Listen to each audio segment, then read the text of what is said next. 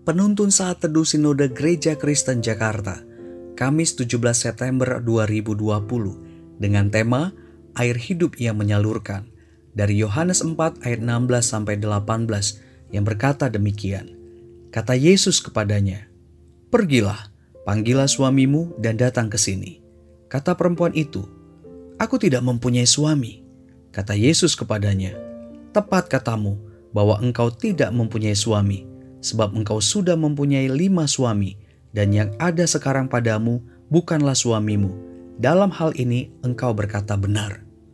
Saudara yang dikasih Tuhan, pada umumnya orang-orang yang bertobat di Aniwa yang disaksikan oleh John Gibson Patton adalah para orang tua yang pernah membunuh anaknya sendiri. Roh Kudus menyalurkan kehidupan yang benar ke dalam jiwa mereka – Hal ini terlihat dari sikap dan tindakan mereka yang mengambil anak yatim piatu untuk dijadikan anak mereka. Ada juga kisah pertobatan suami yang membunuh istri pertamanya hanya untuk mendapatkan perempuan kedua.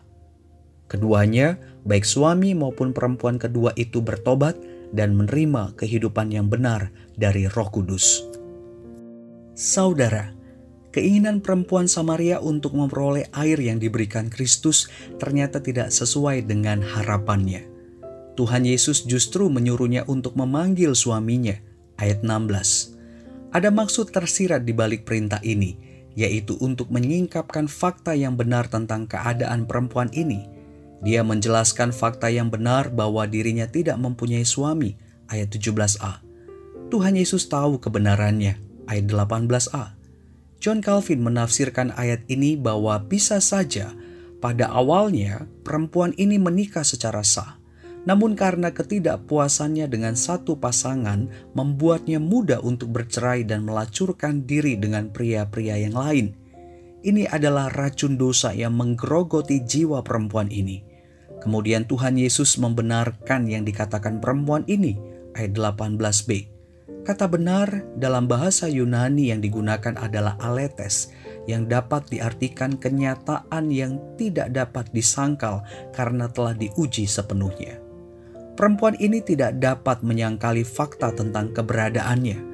Dari mana kemampuan perempuan ini untuk berkata benar?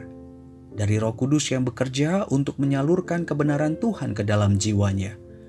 Dia membersihkan racun dosa dari dalam diri perempuan ini Sebelum dia menjadi misionaris Tuhan untuk memberitakan Injil keselamatan, maka racun dosanya harus dibuang.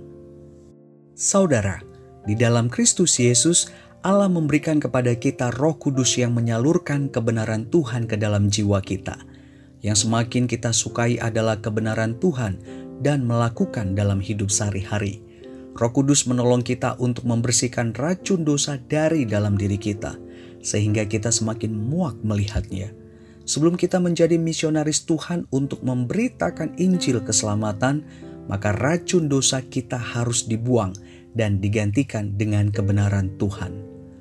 Roh Kudus membersihkan racun dosa dari dalam diri kita dan menyalurkan kebenaran Kristus. Dengan demikian, kita akan siap menjadi misionaris Tuhan untuk memberitakan kebenarannya. Tuhan Yesus memberkati.